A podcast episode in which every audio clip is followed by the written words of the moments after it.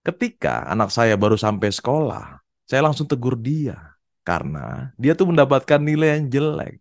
Eh, malah anak saya langsung marah-marah dan emosinya meledak-ledak. Karena hal itu, saya juga langsung emosi juga. Karena anak saya mulai berani dengan saya. Jadi saya bingung, mengapa bisa begitu ya? Yuk, kita bahas guys. Memang nggak enak juga ya guys, kita sebagai orang tua itu dibentak oleh anak kita. Rasanya ya sakit hati juga ya guys. Kalau kita sebagai orang tua merasa seperti itu, ya sangatlah wajar kalau kita sakit hati. Ketika kita sedang konflik, untuk baikan atau berdamai ya butuh waktu guys. Betul ya guys? Ada yang cuma sehari, ada yang cuma satu minggu. Bahkan saya punya klien nih, tujuh bulan baru akur lagi.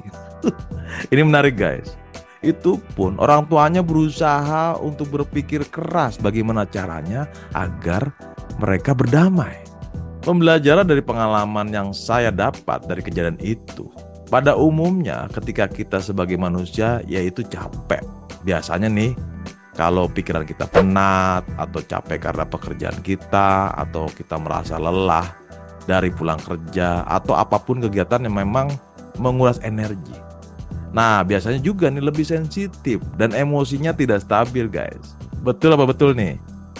Artinya, kita sebagai orang tua atau anak remaja kita, jika kita sama-sama mengalami lelah, kemungkinan itu rentan akan emosi yang tidak stabil atau sangat sensitif, guys. Sehingga mudah akan terjadi konflik.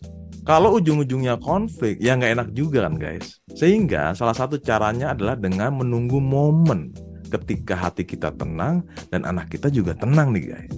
Momen yang pertama, pastikan kita sendiri sebagai orang tua memang hatinya sudah tenang, pikirannya santai.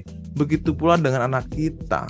Pastikan juga suasana hati anak kita juga tenang dan pikirannya santai.